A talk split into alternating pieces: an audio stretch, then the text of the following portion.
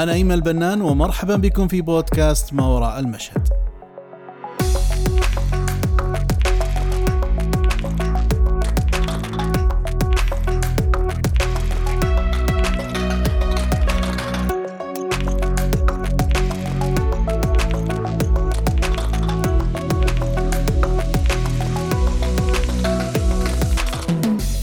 أهلا وسهلا حياكم الله. معكم ايمن البنان ونبدأ اليوم في حلقة جديدة. حلقة اليوم تتكلم عن كيف نقلل الضوضاء أو ما يسمى بالنويز في صوت الفيديو. طبعا الصوت هو أحد المكونات الأساسية في تصوير الفيديو فهو يشكل يعني في نظري الشخصي يشكل 50% من أي فيديو وربما أكثر. وتسجيل صوت نظيف هو أحد أكثر التحديات اللي تواجه مصوري الفيديو.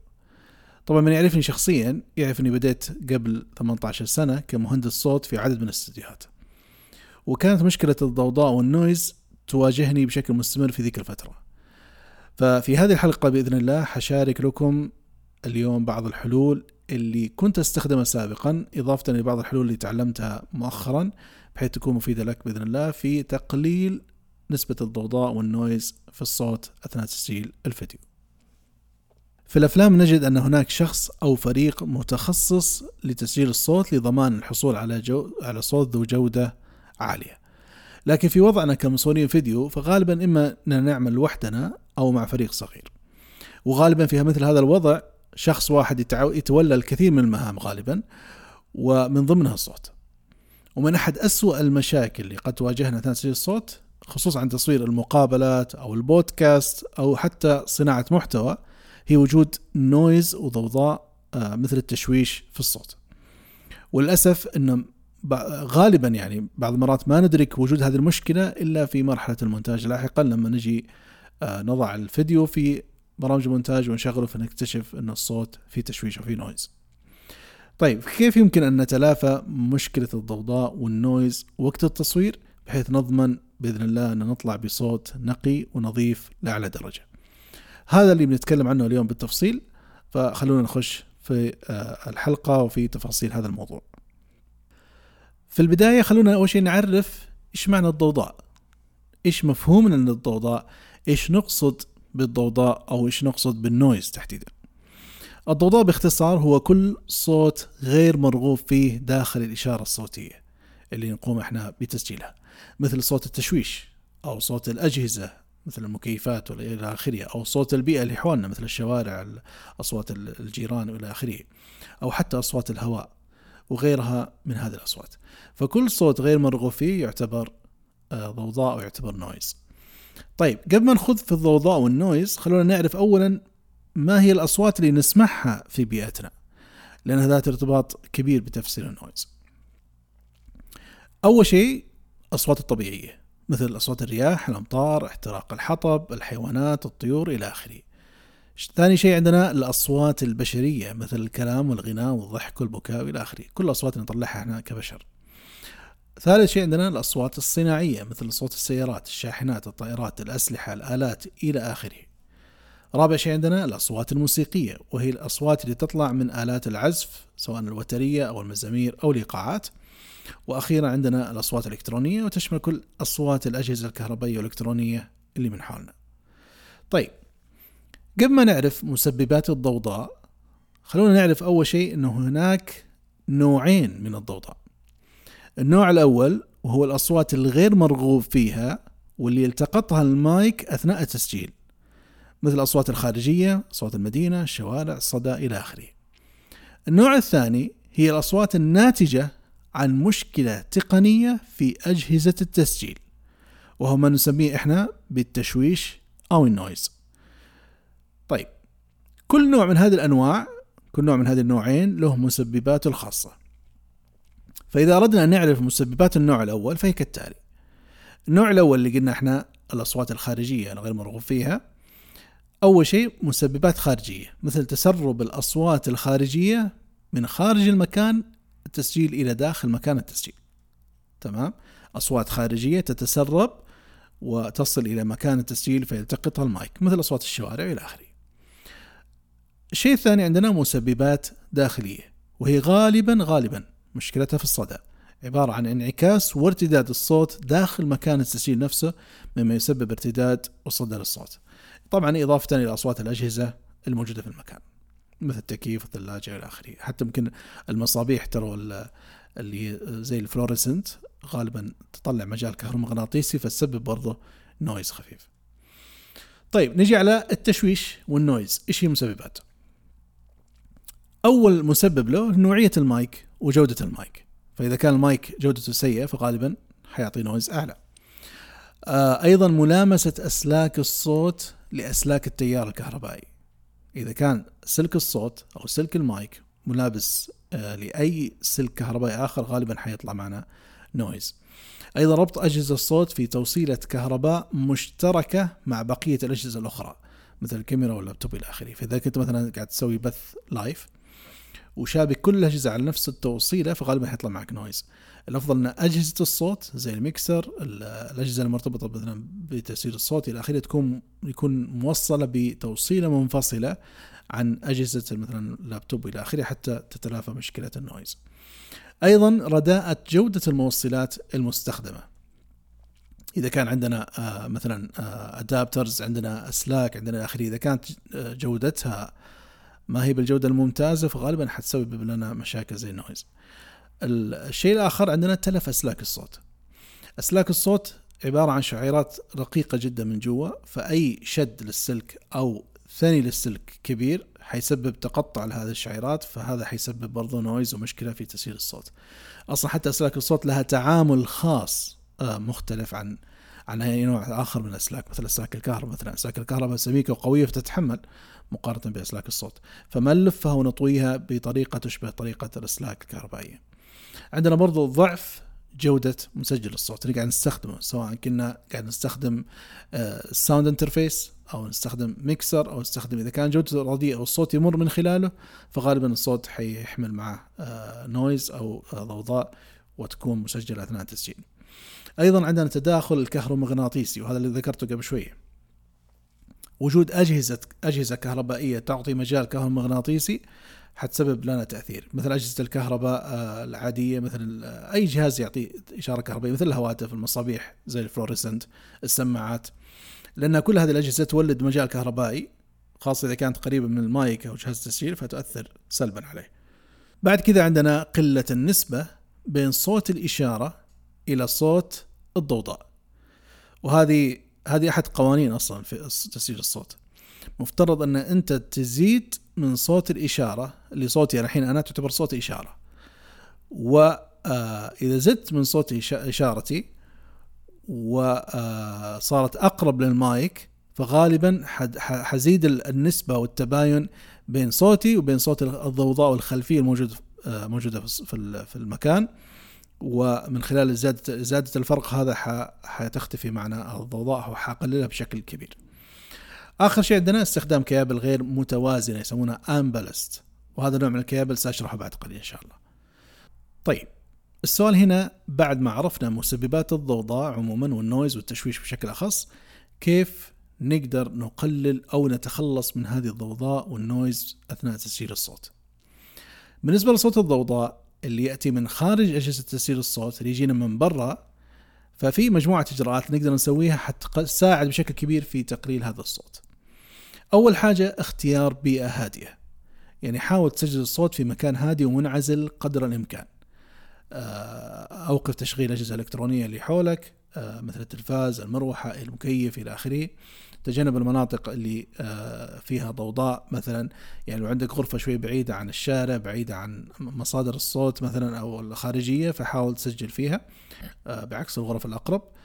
الشيء الثاني عندنا التحكم في توقيت التسجيل.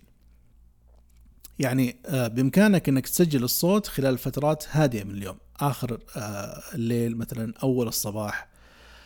حتى يكون هناك ازدحام أقل وضوضاء خارجية أقل. الناس أغلبها نايمة الناس أغلبها هادية فالضوضاء الخارجية حتكون أقل.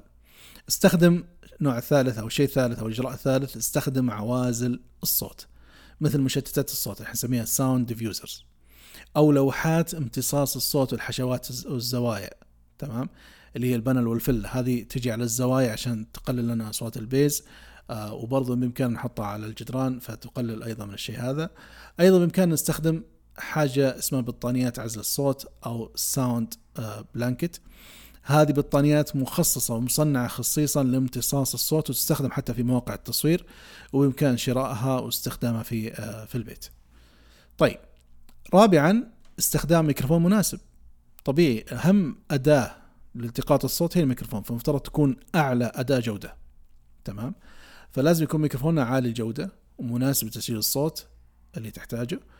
ومناسب للبيئة لأنه المايكات وطريقة التقاطها مختلفة من مايك إلى مايك فكل مايك له بيئة خاصة فيه في في مايكات outdoor في مايكات indoor في مايكات زي ال condenser حساسة تلتقط أصوات من كل مكان زي المايك اللي قاعد أسجل منه الآن في مايكات مثلا dynamic فلازم تعرف أنواع المايكات وتختار المايك المناسب الشيء السادس أعتبره أتوقع إنه السادس أو الخامس اللي هو استخدام فلتر أمام المايك نسميه إحنا ال pop filter هذا الفلتر هدفه تقليل الضربات ضربات الهواء والتنفس أثناء نطق بعض الحروف مثل حرف الباء والفاء الحروف اللي تطلع هواء اثناء أثناء القاها أو أثناء النطق بها. آه العبارة ال pop filter عبارة عن قرص دائري مكون من طبقتين قماشية. عفوا أنا ضربت ال pop filter قبل شوية. فعبارة عن قرص دائري مكون من طبقتين قماشية تمنع عبور الهواء من خلالها ويأتي طبعا بأشكال مختلفة. آه لكن خليني أعطيكم مثال. الآن أنا مقرب المايك وقاعد بقرأ مثلا حرف آه باء وفاء آه مثلا بعد بعد فاء فاء فاء باء باء. تمام؟ الصوت ضربة أخف ببعد البوب مايك ال pop filter الآن وشوف الفرق.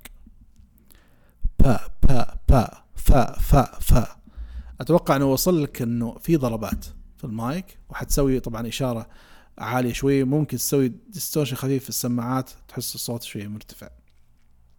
وهذه مشكلة إذا كنت تسجل صوت خاصة زي مايكات ال condenser فتحتاج يكون عندك pop filter أمامها. لكن في أنواع المايكات الثانية لا ما تحتاج هذا الشيء. طيب آه الشيء السادس عندنا الضبط الصحيح لمستوى تسجيل الصوت. حاول سجل الصوت بمستوى مناسب لتجنب التشويش وتقليل الحاجة إلى زيادة مستوى الصوت أثناء مرحلة معالجة الصوت. طبعا لما نجي نقول إيش المستوى الصحيح تسجيل الصوت غالبا أصوات البشرية زي كذا نتكلم آه، مع المايك ممكن مستوى تسجيل الصوت حقنا يكون من سالب 6 dB إلى سالب 18 dB معظم الإشارة تكون حول السالب 12 إلى سالب 6 وهكذا.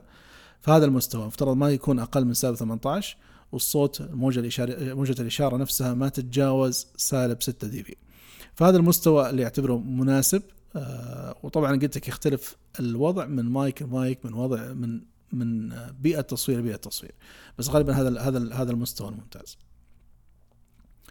عندنا اللي هو ضبط نسبة الإشارة إلى التشويش. طبعا فكل ما زدنا الفارق بين مستوى الإشارة تكلمت فيها قبل قليل كل ما زدنا الفارق بين مستوى الإشارة الصوت اللي نسجله وبين أصوات الضوضاء في الخلفية كلما طغى صوت الإشارة على صوت الخلفية وبذلك يختفي أو يقل الضوضاء. مهم جدا. أنا الآن مقرب من المايك لأبعد درجة ممكنة فعشان كذا الأصوات اللي في الخلفية ما راح تسمعها. بمجرد أني أرجع وأبتعد عن المايك الآن صوتي بعد ونفس الوقت بدأت تسمع شوية صدى موجود في المكان ربما لأني أنا بعيد تقريبا مسافة 50 سنتي عن المايك. فمهم جدا أن تحافظ على نسبة إشارتك تكون أعلى بشكل كبير مقارنة بالخلفية. الشيء اللي بعده عندنا عزل أسلاك الكهرباء وإبعادها عن أسلاك الصوت. هذه جدا مهمة. وعدم ملامستها لها. اللي بعد عندنا ربط أجهزة الصوت بمصدر طاقة أو توصيلة كهربائية مستقلة عن بقية الأجهزة. لاحظ الحين قاعد أنا أطلع حلول لنفس المشاكل اللي ذكرناها قبل شوي. معالجة الصوت بعد الإنتاج لتقليل التشويش. طبعا يقول لك آخر الدواء الكي. مفترض أنك تحصل على صوت نظيف من التسجيل مباشرة. يصير اللي تسويه أثناء المعالجة مجرد تحسينات لكن الصوت نظيف. إذا سجلت صوت كله distortion مرتفع بزيادة وقاعد يضرب يسوي peaking فغالب صعب تعالج المشكلة هذه. إلا بمايكات معينة وأجهزة تسجيل معينة ممكن تدعم الميزة هذه يعني بإمكانك ترجع البيانات. آه إذا كنت سجلت صوت في مكان أصلا كله ضوضاء كله زحمة كله صياح فطبيعي إن الصوت مستحيل تنظفه بشكل كبير. إذا سجلت صوت ومكيف شغال ممكن عندك مجال تلعب في ال frequency شوي حق الصوت وتشيل بعض الترددات والموجات معينة زي موجات المكيف بس حيسوي تأثير بشكل مباشر على صوت الشخص. فالأفضل أن نسجل بطريقه نظيفة من البداية. طبعا آه، بإمكاننا نستخدم تقنية التشويش اللي هو تقنية إزالة التشويش زي ال noise reduction في برامج معالجة الصوت. تتخلص من الضوضاء بس حط في بالك إنه هذه التقنية راح تغير من ال frequency أو من المجال الصوتي للشخص. حتسوي له كتمة خفيفة حيتغير الصوت ما حيكون براحته. فغالبا حنسوي الشيء هذا ونبدأ نعالج في ال equalizer عشان نرجع الصوت نرجع نفتحه شوية بس له تأثير. الأفضل نسجل بشكل نظيف من البداية. الشيء الأخير عندنا استخدام كيبل صوت متوازنه يسمونها balanced. وهذه اللي قلت لكم بشرحها لكم بعد شوية وهذا الحين جينا نشرحها طبعا حتى تعرف الفرق بين الكيبل المتوازنه وغير متوازنة. آه خليني أضرب لك مثال. الكيبل غير متوازن اللي هو ال unbalanced ال unbalanced تمام هو معلش عن النطق الإنجليزي مشوا حالكم إذا النطق مو مضبوط. هو عبارة عن كيبل مكون من سلكين أحدهما لنقل الإشارة الصوتية والثاني أرضي. نعرف إحنا الكيبل حتى الكهربائية فيها أرضي. فهذا عبارة عن كيبلين. واحد ينقل الإشارة الصوتية والثاني في أرضي. تمام؟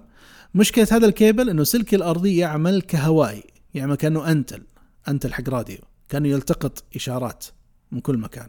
فهو يلتقط كل الإشارات الغير مرغوب فيها من حوله ويضيفها إلى إشارة الإشارة الصوتية فيسبب بذلك ال noise والتشويش. بينما الكيبل ال balanced وبشرح لكم بعدين كيف تختار الكيبل الصح. بينما الكيبل balanced اللي هي الموزونة متوازنة فيها فهي عبارة عن كيبل مكون من ثلاث أسلاك. الأول لنقل الإشارة والثاني والثالث عبارة عن سلكين أرضية متعاكسة القطب. الأول موجب والثاني سالب. وبكذا كل واحد منهم حيلغي الثاني. تمام؟ الموجب حيلغي السالب فتختفي. يعني لو كان في إشارة ضوضاء أو noise في أحد منهم فمثلا كانت في noise في الموجب فالسالب حيلغي الموجب وحتختفي الإشارة إشارة الضوضاء. ووقتها تبقى الإشارة النظيفة حقت الصوت بدون أي تشويش. طيب. طبعا هذه الإجراءات آه، حشرح بعدين اللي هو أنواع ال balanced عندنا مثلا اللي هي كابل ال XLR تعتبر balanced ال TRS اللي هو ال jack اللي عبارة عن رأسين السوداء في الأخير عبارة عن ثلاث قطع هذا يعتبر balanced آه، غيرها تعتبر كيبل غير balanced عندنا مثلا ال RCA غير balanced تمام؟ إن شاء الله حنزل آه، بودكاست مفصل عن أدوات الصوت بشكل عام. طبعا هذا الإجراء هذه الإجراءات بشكل عام اللي ذكرتها قبل شوي إذا اتبعتها بإذن الله عز وجل ستساعد في تقليل أصوات الضوضاء والنويز أثناء تسجيل الصوت وبإذن الله حتحصل على نتائج أكثر وضوحا وأكثر جودة. هذا باختصار آه، فكرة التشويش كيف تتغلب على التشويش.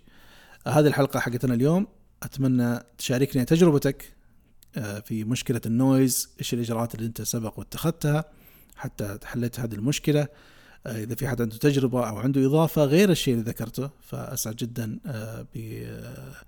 بسماع هذه التجربة. وأيضا لا تنسوني باقتراحاتكم وملاحظاتكم بخصوص المواضيع القادمة التي تودون نتحدث عنها إن شاء الله في الحلقات القادمة. شاركوني على البريد الإلكتروني الموجود في وصف الحلقة اللي هو أيمن at beyond-scene.com ويعطيكم ألف عافية وألقاكم إن شاء الله في الحلقة القادمة. كان معكم أيمن البنان وفي أمان الله.